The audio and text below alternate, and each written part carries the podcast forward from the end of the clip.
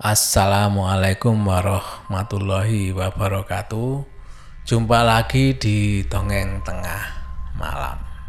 Jangan lupa ya, kalau ketemu dengan seseorang sebaiknya ucapkan salam ya. Karena apa? Salam ini adalah merupakan doa. Itu mendoakan baik yang kita temu, temui maupun pada diri kita sendiri. Karena dengan harapan doa itu adalah memudahkan melancarkan segala urusan kita dan juga untuk kesehatan kita. Amin. Mudah-mudahan kita semua selalu diberikan kesehatan dan kelancaran dan kemudahan. Amin. Amin ya rabbal alamin. Langsung saja uh, kita ke cerita. Oh ya sebelumnya mohon maaf yang belum subscribe jangan lupa subscribe. Komentarnya juga dan like-nya juga jangan lupa ya. Untuk yang di Spotify jangan lupa follow ya untuk cerita-cerita dari dongeng tengah malam selanjutnya. Oke, untuk kali ini Pak D akan membawakan kiriman cerita dari Mbak Anin mengenai eh, bioskop yang pernah dia datangi. Kita langsung aja ke ceritanya. Mbak Anin ini adalah salah satu mahasiswa di sebuah universitas di Jakarta. Saat ini Mbak Anin tinggal kos di Jakarta yang mana Eh, saat di Jakarta ini hanya untuk menuntut ilmu. Suatu hari Mbak Anin ini pergi ke biskop bersama teman dekatnya atau pacarnya ya. Karena memang teman dekatnya ini suka sekali nonton biskop. Lagian dia juga sudah bekerja. Makanya Mbak Anin dan pacarnya ini untuk menghabiskan waktunya biasanya itu oh, suka nonton biskop. Pada saat uh, pacarnya ini selesai uh, pulang bekerja yaitu sekitar pukul 19 atau 7 malam ya. Pada hari itu mereka memutuskan menonton salah satu film action karena ini memang kesukaan pacarnya ini film action. Jadi mereka itu memilih tempat duduk di tengah yang paling enak ya eh, menurut memang semua sih di tengahnya paling enak untuk menonton film jadi pada saat itu penonton bioskop itu cukup rame karena filmnya terkenal juga ya. Yang mana hampir seluruh kursi di bioskop itu itu terisi semua.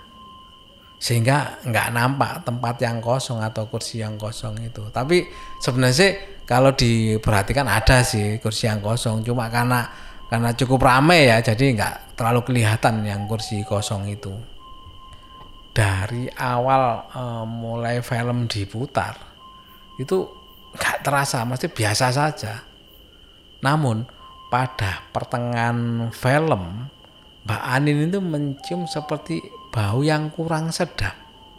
Yang ada di dalam biskop itu loh ya. Di mana bau tersebut muncul dan hilang menurut penciuman Mbak Anin. Dan begitu terus sampai beberapa beberapa saat. Untuk informasi aja jadi Mbak Anin ini e, memang mempunyai indera penciuman ini sangat peka.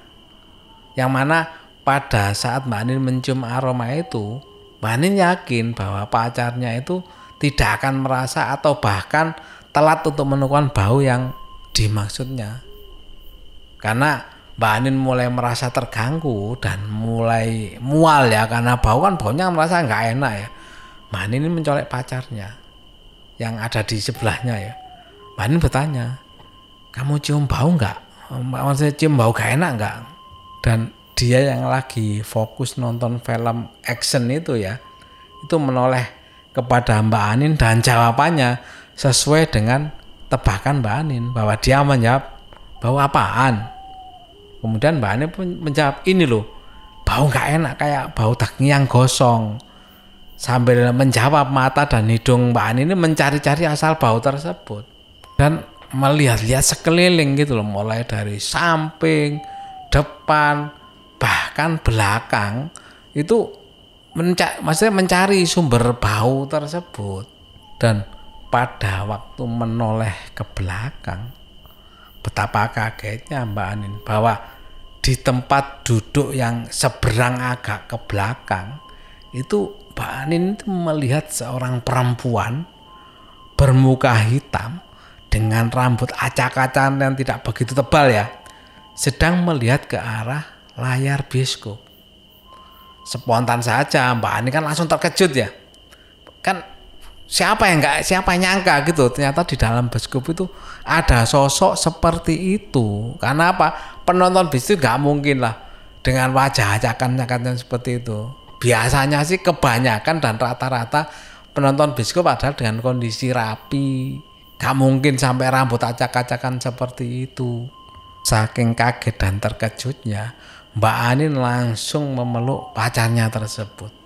Gak tahu, tapi walaupun pacarnya ini kaget, pacarnya tahu bahwa Mbak Anin berarti dengan kondisi seperti ini, bahwa pacarnya merasa kalau Mbak Anin tuh melihat hal-hal yang enggak-enggak.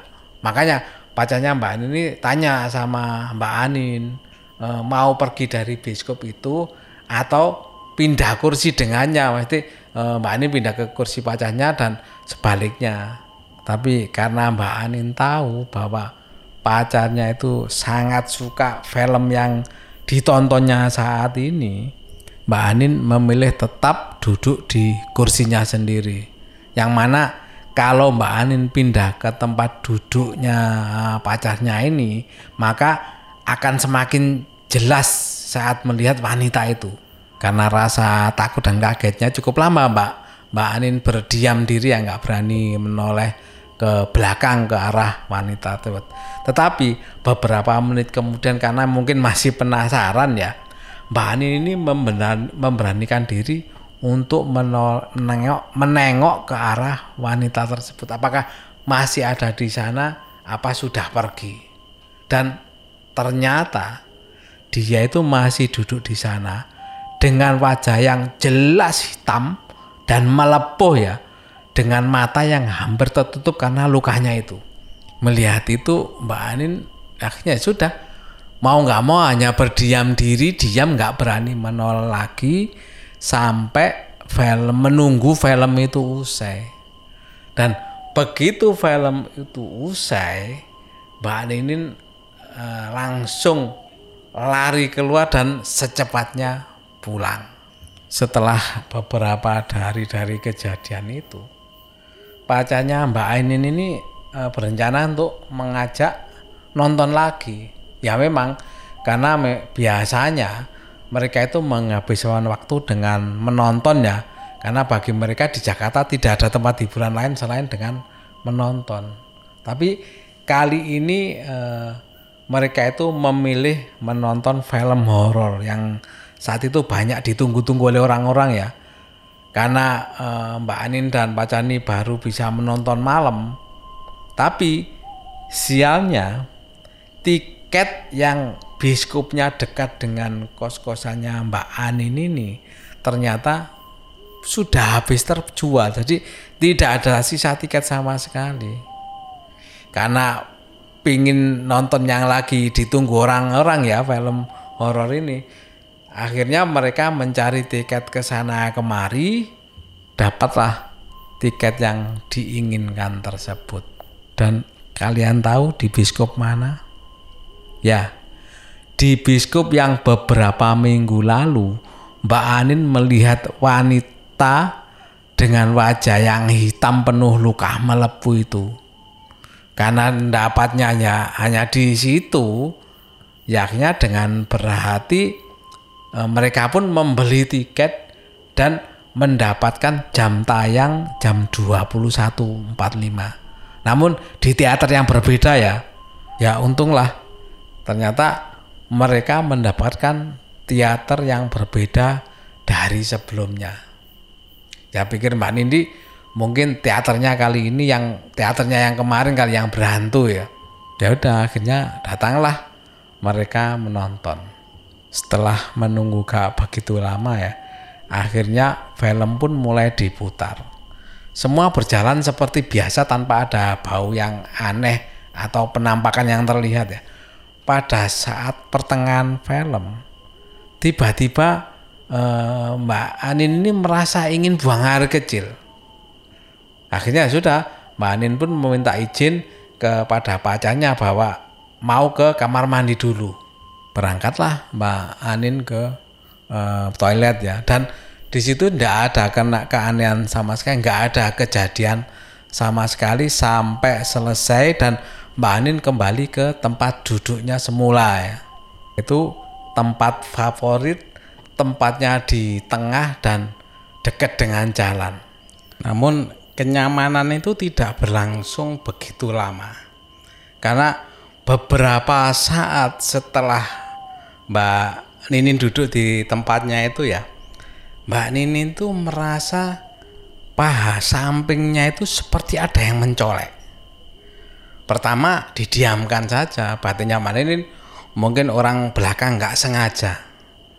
Tapi sampai yang ketiga, Mbak Ninin kan mulai merasa terusik gitu loh, merasa mulai nggak nyaman. Mbak Ninin menoleh ke belakang yang mana eh, ada kalau ada kaki orang yang disandarkan di sandaran kursinya, dia akan menegurnya gitu loh. Tetapi ternyata tidak ada orang yang menyandarkan kakinya di kursinya Mbak Ninin tersebut. Kemudian dia meraba-raba dan di situ Mbak Ninin tahu bahwa kursi tersebut sangat tebal. Di mana tidak mungkin kaki orang bisa tembus dari belakang sampai ke depan karena tidak mungkin ya sudah nggak dirokan lagi sama Mbak Nini dan kembali menonton dan memakan popcorn yang sudah dibeli. Tapi nggak lama lagi ada colekan lagi dan di situlah uh, dia mulai menegur pacarnya. Kamu nyolek aku ya? Ngapain sih nyolek-nyolek? Terus spontan pacarnya kan menjawab, apaan sih aku nggak nyolek?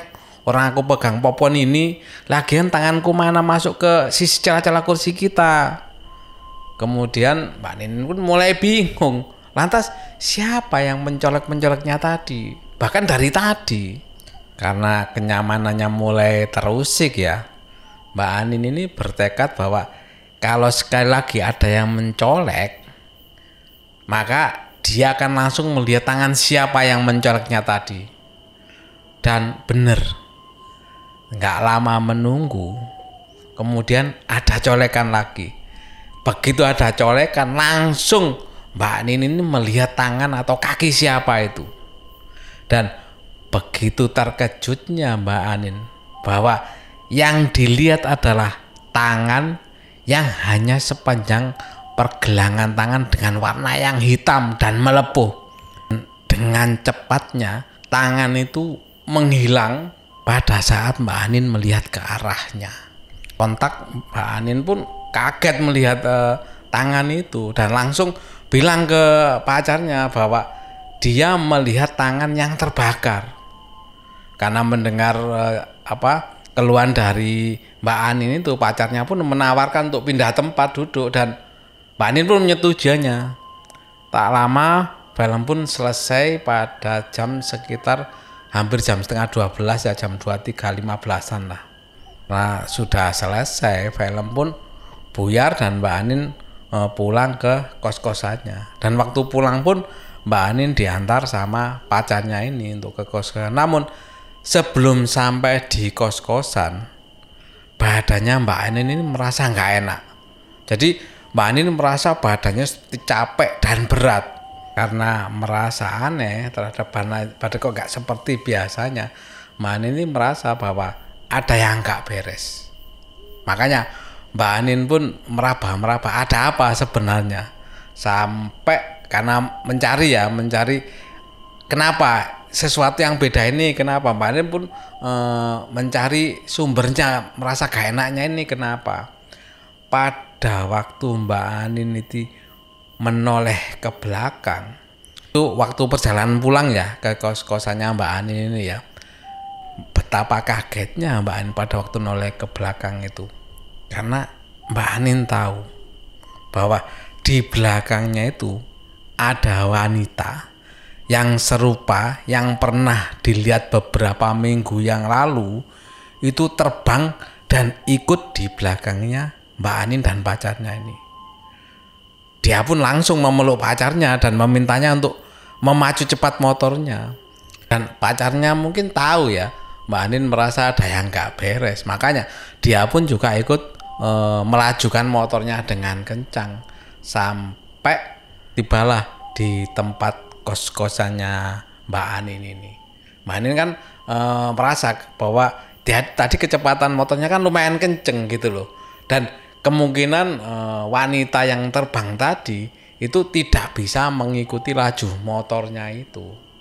Namun ternyata yang diharapkan Mbak Anin ini salah. Karena wanita yang terbang itu masih mengikuti Mbak Anin bahkan sampai ke kamar mandi. Gak taunya Mbak Anin ini kenapa kok dia masih mengikuti sampai ke kamar mandi. Jadi pada saat Mbak Anin ini e, mencuci tangan ya, maksudnya bersih-bersih ya, cuci tangan, cuci muka dan sebagainya. Nah, telah selesai semua kan mau masuk kamar. Begitu mau masuk ke kamarnya, itu Mbak Nini mendengar suara, hei, suaranya itu begitu berat katanya sontak kan, kan kaget Mbak Ninin. Begitu mendengar itu, Mbak Anin langsung berlari masuk kamar sambil mengatakan, jangan ikuti saya, jangan ikuti berkali-kali dan wanita itu tertawa dari dalam kamar mandi. Karena apa? Suaranya bergema jelas terdengar dari kamar mandi. Namun suara tak lama suara itu pun hilang dan syukurnya esoknya itu dia sudah tak terlihat sama sekali sampai sekarang.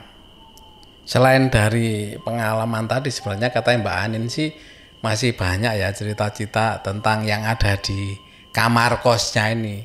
Mudah-mudahan nanti next lah Mbak Anin bisa mengirimkan ceritanya lagi ya mengenai kejadian di kamar kosnya ini. Tidak tahu masih berhubungan dengan uh, wanita yang kondisinya apa kayak gosong uh, seperti habis terbakar atau enggak uh, mudah-mudahan Mbak Enin bisa segera mengirimkan itu. Nanti saya bawakan di sini di dongeng tengah malam. Terima kasih Mbak Anin kiriman ceritanya. Mudah-mudahan pendengar dongeng tengah malam bisa terhibur dari pengalaman Mbak Anin uh, tadi bang barusan diceritakan dan kalau teman tahu sahabat dongeng teman mau mengirimkan ceritanya monggo bisa kirim email di emailnya dongeng tengah malam ya. Emailnya dongeng tengah malam at gmail.com ya. dongeng tengah malam at gmail.com semoga teman-teman dan sahabat semua bisa terhibur.